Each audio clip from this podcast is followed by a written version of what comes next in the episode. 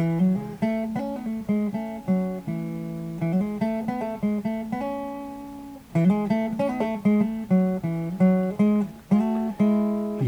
velkommen til podkasten 'Atle Hansen snakker med folk'. Jeg eh, ser på deg som, som feminist. Ja. Og um, du er muslim. Og vi har um, lært oss sitt, og vi så eh, at, at uh, islam det er en uh, sterk kvinneundertrykkende religion der menn har all makt, og kvinner er har verken samme rettigheter eller samme status. eh. Stemmer dette, eller går det an å være feministisk muslim? Uh, det stemmer uh, ikke, fordi mm, igjen er det måten du forstår religionen. Også jeg er veldig heldig. Jeg, jeg, jeg husker faren min, og jeg setter stor pris på han. Fordi måten han forsto religionen, var veldig reflektert på måten vi ble uh, vokste opp.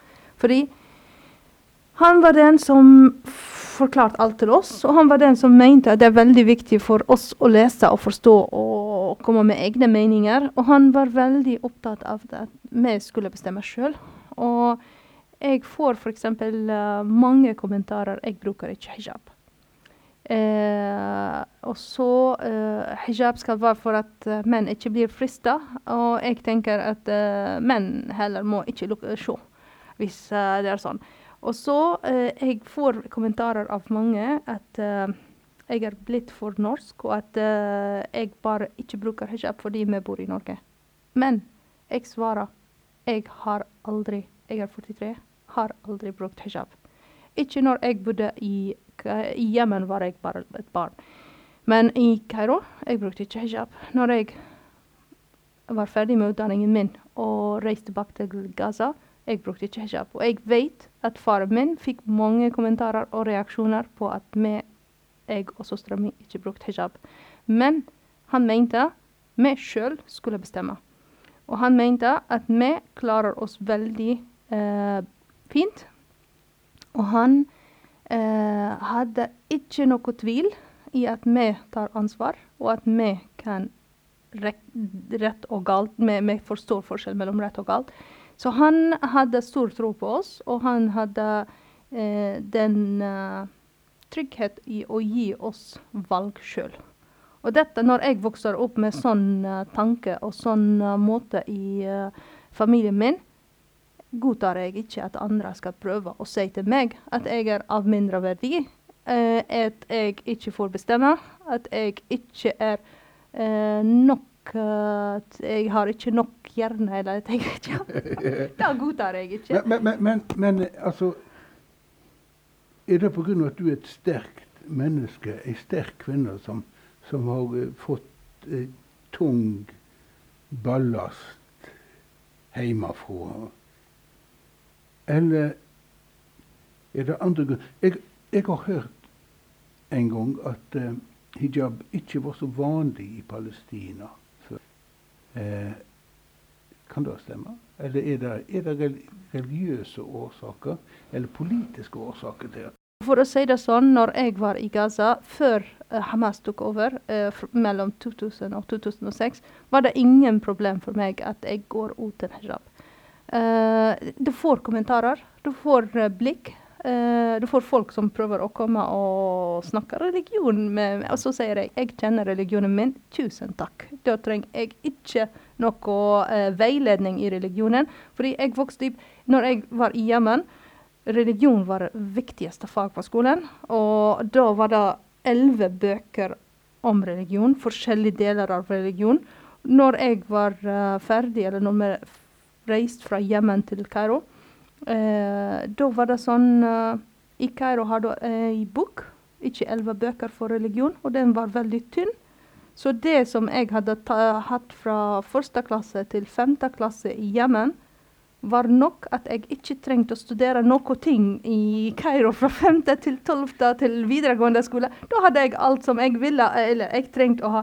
Og i tillegg, jeg er nysgjerrig. Jeg liker å lese, jeg liker å vite mer. Så jeg kjenner religionen min. Og jeg hadde en far som kunne forklare ting til meg. Jeg hadde eh, eh, en far som var veldig eh, forst- Måten han forstod religion, var veldig naturlig og lett. Fordi han mente religionen skal hjelpe meg, skal ikke hindre meg. Hva yrke hadde faren? Han var militær. Han var utdannet fra militærskole. Ja, nettopp. Ja. Men, eh, men eh, for å si det veldig enkelt eh, eh, Han fant alltid den løsning som var lettere for oss, fordi han mente at vi skal ikke eh, Vi skal ikke hate religionen. Den skal ikke være en byrde. Den skal, i, den skal hjelpe oss i hverdagen.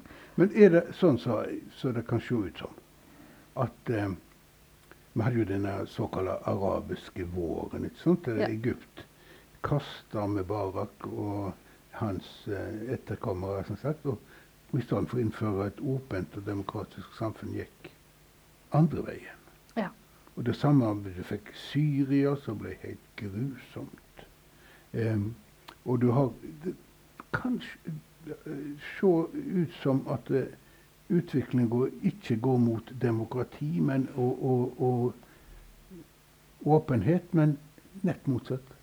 Jeg kan svare på det veldig enkelt. F.eks. Eh, i Gaza var det veldig viktig for deg at uh, det er ikke skolegang, det er skolegang at det er begrensa. Når folk ikke går på skolen, da kan du ikke tenke, da kan du ikke lese, da kan du ikke stille spørsmål. Du skal bare lyde, du skal bare ta imot alt og, og, og si ja til alt.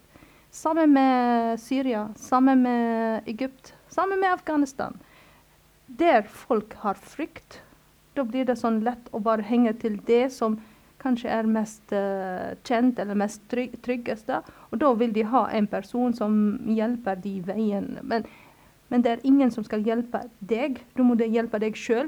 Og det er ikke sånn den, den personen som hjelper deg, det er ikke nødvendigvis en god person. Det kan være en person som utnytter deg og ikke hjelper deg. Så i Syria, de som, eh, som ville styre i Syria, de ville at eh, folk bare sier ja til alt. De ville ikke at folk eh, diskuterer. De ville ikke. Men hvis du ser på boka, religionen, første ord som kom i Koranen, var les. Les, ikra. Da var det det første ord. Og det er veldig viktig å tenke veldig og sette stopp der. Les. Du skal lese, du skal tenke, du skal stille spørsmål. Du skal ikke godta alt som blir sagt til deg uten å tenke. Og eh, det samme med Hamas. Jeg sier alltid kjempeviktig at jenter går på skolen. Fordi eh, du skal ikke prioritere at gutter Dette er kulturen, dette er ikke religionen. Kulturen sier at du skal prioritere gutter og sånn. Men jeg sier det er veldig viktig, like viktig at jenter går på skolen som at gutter går på skolen. Og eh, når du sier om feminisme, om religionen, om islam Jeg har lest, og når jeg leser, jeg kan si, trygt si, det er ikke sånn. Det er måten mennesket tolker det. Da blir det lagt opp at det er sånn. Men i boka sjøl, hvis du leser alt som vers som kom i Koranen Når de snakker når det er mm, om mennesker, de sier menn og kvinner. Aldri bare menn. Det er alltid muslimer. Eh, på arabisk har du ord for eh, Nesten som spansk. Eh, du har ord for uh, hankjønn og hunkjønn. Eh, ending av ordet. Alltid i religionen i boka. Da har du begge menn og kvinner. Og det var en eh, studie som teller. Og det, de mm, antall ganger det er nevnt menn, er lik som kvinner. Og eh, boka som Koranen Nå snakker jeg litt mer religion, men boka som kom, eh, den skal være for alle tider, og den skal ikke tolkes fra 1500 år. Den skal du se på i dag. Hvordan kan du tolke den i dag? Jeg skal ikke sitte og tenke for 1400 år tilbake, da var det en person som sa at det er sånn, da blir det sånn til nå. Nei, det er ikke sånn. Og eh, veldig eh, viktig for min del at eh, hvis det er en person som sier det, det er det rom for å stille spørsmål. Hva gjorde at du flykta til Norge? Da er det ene spørsmålet. Og det kan kanskje komme etterpå. For Hva var ditt bilde av Vesten, av Norge, før du kom hit? Kunne, visste du noe som helst? Ja. Og det var ikke bra. Det jeg visste, var ikke bra.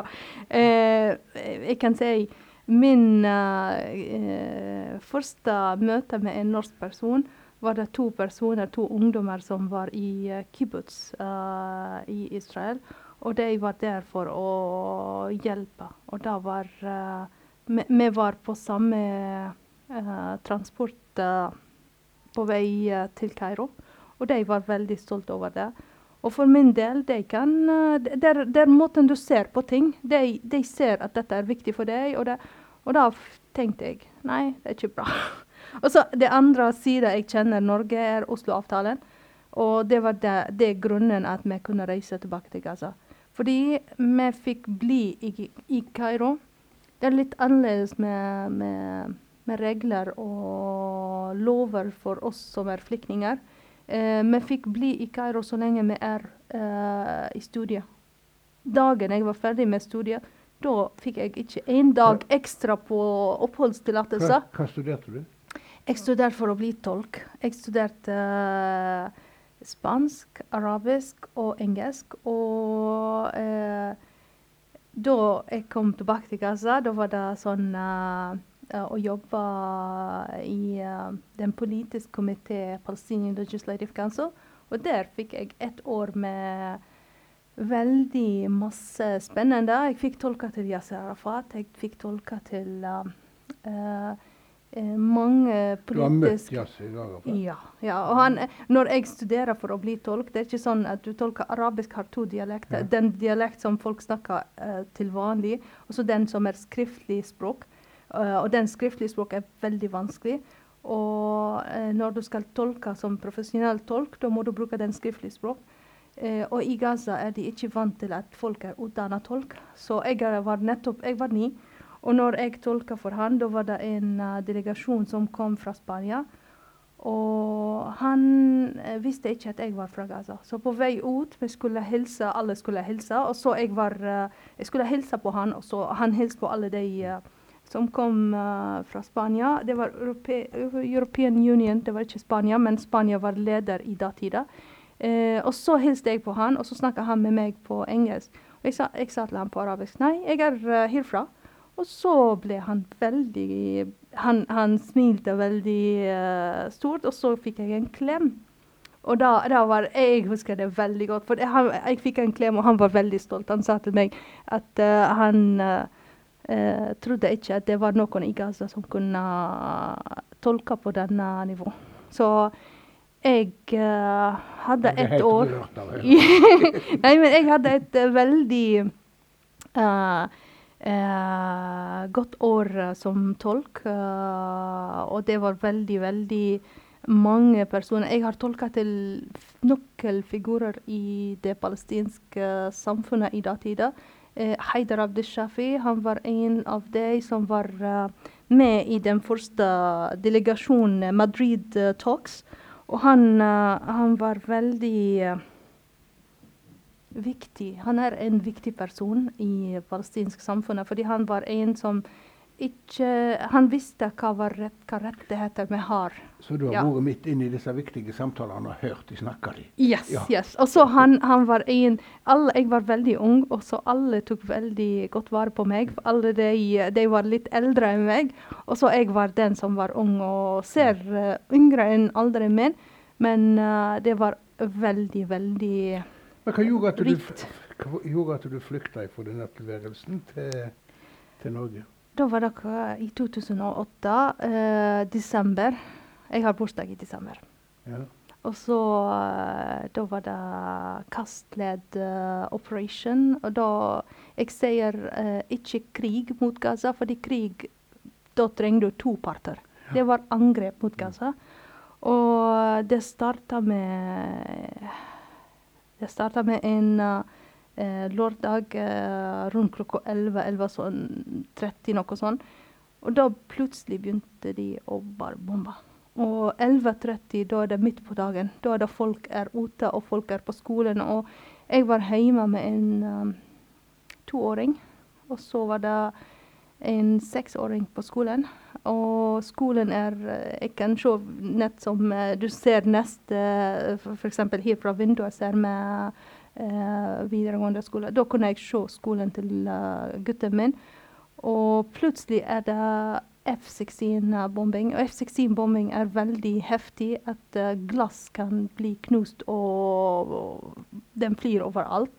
Og vi i Gaza, når vi bygger hus, da er det mest glass, for at det er mer sol inne i huset. Så det blir tryggest å sitte i mellomrom hjemme. Så begynner det å regne med bombing, og så ser jeg skolen til han minste, og der er det skolen er bomba. Og det er en katolsk skole. Uh, uh, og jeg visste ikke hva jeg skulle gjøre. Uh, skal jeg ha, ta hun som er på to, og gå ned i gata mens de bomber overalt, og så hente han fra skolen? Nei. Skal jeg forlate henne i bygget, og så kanskje de bare bomber bygget, og så gå Nei, jeg kan ikke. Skal jeg bare forlate han som er på skolen? Nei. Da føler du den følelsen som du er uh, par paralysert. Uh, du, du, ikke, du, vet ikke hva du skal gjøre. Og så prøver du å, å ringe, men telefonen, telefonen, alle linjene er uh, funker ikke. Så jeg kunne ikke ta kontakt med noen. Jeg, jeg visste ikke hva jeg skulle gjøre.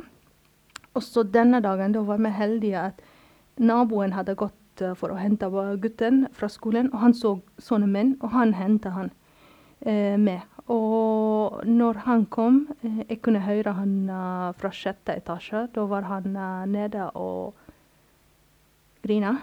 Han var bare seks år. Og så jeg sprang ned og tok han opp. Og det, han, han, var veldig sint på meg. Han var, ikke, han var redd av alt det som skjedde, men han var sint på meg fordi jeg kom ikke. Og det kan jeg aldri glemme. Og så hadde jeg barna mine begge to. De var uh, hjemme med meg. Men sånn starta kastledd uh, operation uh, hos oss. Og da var det kanskje 27. Det var ikke noe bra oppleving, for å si det sånn. Det var veldig skummelt. Men jeg var vant til at det blir uh, uh, sånn bombing og sånn. Dette var ikke noe nytt for meg. Men, men det som var nytt, var det at de bomba skoler, og bomba gatene, og bomba rundt sivile hus. Dette var veldig nytt. Uh, ofte pleide de å bombe militærstasjoner.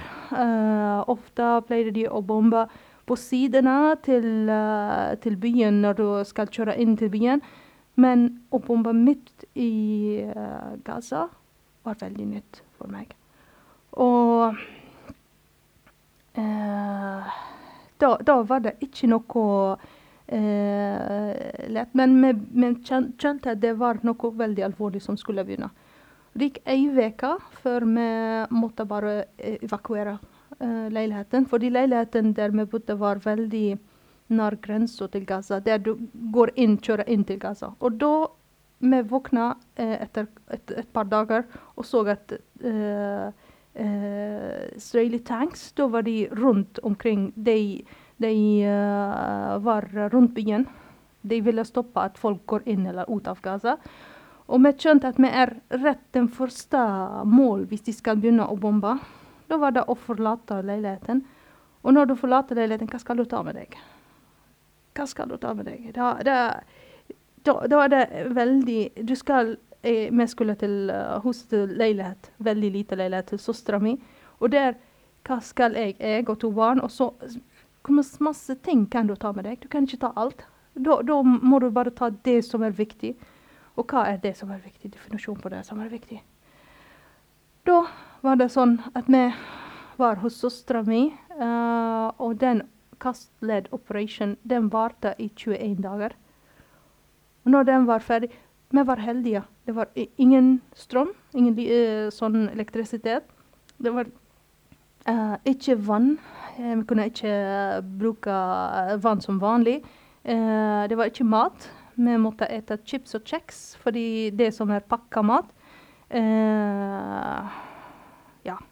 Vi hadde ingen kommunikasjon med andre, eh, ingen kommunikasjon med verden. Og på en måte var dette bra, fordi hadde vi fått visst hva skjedde i Gaza rundt omkring, da jeg tror ikke jeg kunne ha klart uh, å, vite, at, å, vite, at folk var utsatt til så masse Men Hvordan kom du deg ut herfra? Da, da var vi hos søstera mi, og så hos søstera mi da var vi det, det, det, Der var det sånn at det var bombing. Og når det er F-16-bombing, da må du åpne vinduet for at det ikke knuser glass, Ja. ikke blir knust. Og så samtidig har du uh, de bomber med eh, white phosphorus, og det er veldig eh, brennbar eh, material. Ja, ja. Og der, der er det veldig farlig, fordi hvis den, uh, hvis den uh, kommer på hodet, da kan du ikke vaske den, fordi det blir enda verre. Og du, du kan ikke eh, ta den vekk med noe tørt, fordi da brenner du deg. Alle måter er det farlig. Eh, og så var det sånn at de bomba samtidig med F-16 og så med white phosphorus. Da vet du ikke. Skal jeg åpne vinduet og bli utsatt til white phosphorus, eller skal jeg uh, lukke den og bli utsatt til at det blir knust? Så begge veier var ikke lett. Og det var veldig uh, Du kunne ikke sove. Og du har små barn. Så det, det, det ble 21 dager av vent. Og ja. Og så ferdig med 21 dager, da sier de nå er det Vi ser på vinduet folk uh, går mm, som ikke har plass å gå. De, de, folk bare flokker uh, ut mot uh, sentrum i byen fordi de har ikke plass. Så jeg var heldig at vi var hos søstera mi, men det er mange som ikke hadde plass å bo. Og 21 dager er ferdig. Da er det plutselig stopp på angrep. De hadde eh, bestemt seg å stoppe. Da går jeg til leiligheten min, og den er uh, bomba ned. Brent ned. Ingenting er igjen. Ingenting er igjen. Jeg prøvde å gå og finne Alt er brent ned. Og det var, det var ingenting. Og så arbeidsplassen min, den var bomba ned, og det var ingenting. Da var vi plutselig eh, på gata. Og jeg tenkte dette er veldig alvorlig. Og eh, ja. Og så var jeg gravid med han minste. Og eh, jeg hadde mange eh, som eh, venner eh, som jeg kjenner, eh, som snakka om eh, at eh, hvis du blir utsatt til fosfor mens du er eh, gravid, da kan du enten eh, risikere å ha eh, spontan abort, eller at blir, barn blir fått med uh, problem, problemer, helseproblemer. Og så uh, Da var det sånn Det var ikke lett. Og jeg fortsatt Jeg måtte jobbe for at vi skal ha noe. Jeg fant noe eh, eh, Underviste engelsk til voksne kurs, og gi kurs til dem. Og der var det sånn at eh, jeg jobba et par måneder, og så var det for vanskelig å jobbe, fordi da fikk jeg eh, sjefen. Han spurte meg, fordi jeg jobba, jeg skulle jobbe, det var en klasse med tolv, kanskje to jenter, og resten av er menn eller ungdommer. Eh, det var én som var på 40, og så var det ungdommer, universitetsstudenter. Eh, og så fikk jeg sjefen min. Han ville ha en samtale med meg. Og jeg forsto ikke hva han ville snakke med meg om. Da spurte han meg om jeg uh, syns det er eh, at jeg eh, kan klare å undervise i klassen uten at jeg har hijab på, siden det er flest menn. Og da var det sjokk for meg. Det var veldig uventa, og det var veldig skuffende. Og jeg sa svaret mitt var den dagen jeg har problem og banker på døra di og sier at jeg ikke klarer meg, da skal du ha denne samtalen med meg. Ellers vil jeg ikke ha denne samtalen. Og da var ferdig. Men at jeg måtte ha denne samtalen med han. Og så i klassen, da var det sånn at du skulle undervise engelsk. Du skal undervise slik at de skal kunne snakke om forskjellige temaer. De skal kunne snakke Og jeg, min måte å tenke er ikke Jeg, jeg tenker veldig viktig at de òg reflekterer. Jeg, jeg, tenker sånn, og jeg vil at de blir smitta av uh, måten jeg tenker. At de reflekterer, og de stiller spørsmål, kritiske spørsmål. Og så begynte vi å snakke om temaer f.eks. som ekteskap. og valg, at uh, kvinner skal ha valg og alt dette. Og da ble dette litt for ubehagelig for en del personer. Og da, da får jeg kommentarer at uh, jeg må slutte med sånn. Ja, OK. Så det, det ble litt uh, Det ble litt uh, sånne småting. Og så hadde jeg ikke hus. Jeg hadde ikke hjem. Jeg hadde ikke, den jobben som jeg hadde, var avhengig av hvor mange meldte seg på. Uh, og jeg var bekymra for at jeg var gravid. Så jeg bestemte meg. Da skulle jeg komme til Norge. Når jeg kom til Norge og fortalte alt dette, da fikk jeg ekstra Eh, oppmerksomhet og ekstra eh, hjelp med å finne ut om det er noe problem med babyen. Og det var ingen problem med han. Da, heldigvis. Du, du, kom til Norge. Hvordan kom du til Norge? Jeg kom til Norge, jeg kom ikke med gummibåt til Norge. Du kom med fly? Ja, ja. Og du kom til Oslo eller Bergen? Eller? Oslo. Og så Oslo, da var det eh, Tanum. Og der var litt. Og så var det en plass som heter Leir eh, i Drammen. I utkanten av Drammen. Eh, og så stort Haiana-mottak. Og der bodde vi på Stord i ett år før vi fikk uh, endelig uh, post at uh, vi får bli i Norge. Og, og det var veldig, veldig klart at det er av humanitær grunnlag at det er vanskelig for barna å bli sendt tilbake til Gaza. Så nå har du da bodd på Stord i elleve år, var det det sa? Og du har vært eh, lærer her på Stord ungdomsskole i Siden jeg kom. Dette var det første. Eh, dette er en mm, kjempeviktig del av uh, av uh, det, å, ja, det å være her i Norge. Fordi når jeg kom, da hadde jeg erfaringen min som uh, lærer uh, fra Palestina.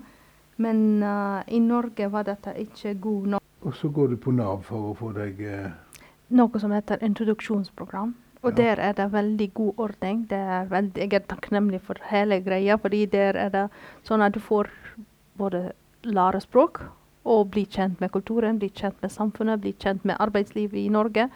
Eh, og så er det deg i Nav som uh, syr sammen et tilbud. Og det blir, det blir, sånn at du går på skolen eller på voksenopplæring tre dager i uka. Så to dager er du plassert i en plass der du kan få språktrening. Og den plassen skal være eh, eh, til hjelp for at du får jobb senere. Og jeg har erfaringen min som lærer helt uh, Uh, fra åttende trinn helt til videregående skole, uh, eller fra åttende til tolvte i Palestina. Og jeg, jeg hadde uh, English literature, language and literature. Da var det veldig høyt nivå, og jeg hadde noe som heter ISL, som tilsvarer English as a second language, som tilsvarer nesten som norsk som andrespråk. Så jeg hadde god erfaring med meg, men de mente at jeg skulle ha språkpraksisplass i en barnehage. Og eh, jeg har veldig stor respekt til alle som jobber i barnehage. Men jeg ville ha jobb senere med min erfaring og min bakgrunn og min utdanning. Så jeg prøvde å snakke med dem i Nav, men de er ikke flinke til å høre. Da fikk jeg eh, Nei, det var veldig, veldig interessant. Da fikk jeg eh, Det er enten sånn eller uh, ingenting. Ja. Og da eh, jeg sjøl eh, hadde CV-en min med meg, jeg gikk til uh, eller kom til storungdomsskolen og leverte CV-en. Og jeg forklarte jeg trenger en språkpraksisplass. Skolen skal ikke betale for noe, det er Nav som skal betale.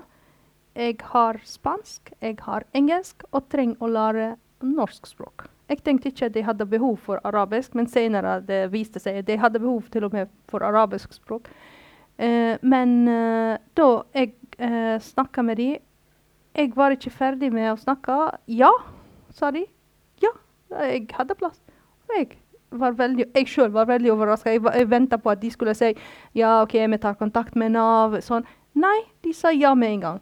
Og så tok jeg uh, den ja tilbake til Nav og sa jeg har fått praksisplass på Stord ungdomsskole.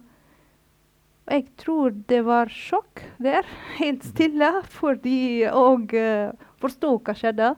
Og så eh, kanskje de trengte å ta en telefon for å bekrefte at det stemmer. Eh, men jeg starta på Stord ungdomsskole, og det var litt i engelsktimene. Litt, uh, litt her og der, litt, litt i spansktimene. Uh, litt å hjelpe med masse forskjellig. Og jeg hadde ingen problem å hjelpe med f.eks. Uh, å lage mat til kantina og dele ut frukt til elever. Jeg, jeg, skulle lære, og det var veldig rikt å være i lag med personer som uh, som var her på skolen og jobba, og jeg var veldig heldig. Jeg sier alltid at uh, her var det en god start, en god plass å starte. Og så var det sånn etter to år praksis.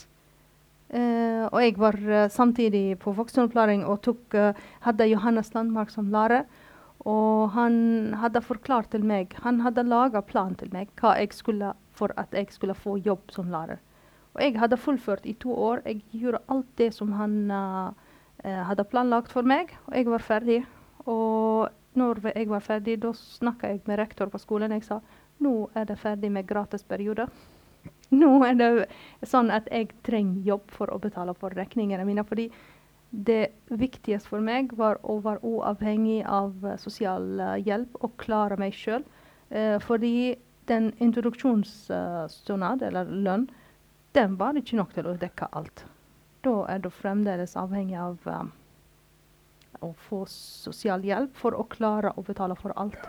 Så eh, jeg fikk uh, jobb her. Eh, vi må vel eh, tenke på å avslutte denne praten. Jeg kunne sittet her i timevis. Og dette er, det, var, det, har vært fantastisk å høre på deg. Og jeg Tusen må si at det, det, det, må kreve en ufattelig styrke å, å gå gjennom dette og komme ut av alt dette sånn som du er.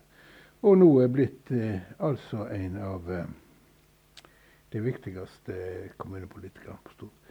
Eh, Takk for at du setter det sånn. Så, ja, det, det, viser jo det viser mye. Det viser òg at vi har bruk for folk utenfra og litt input utenfra. Vi kunne snakket lenge om dette, Susan. Eh, nå må, vi, må, jeg si takk for at du stilte opp. Og så lykke, lykke til videre. Yes, yes, ja.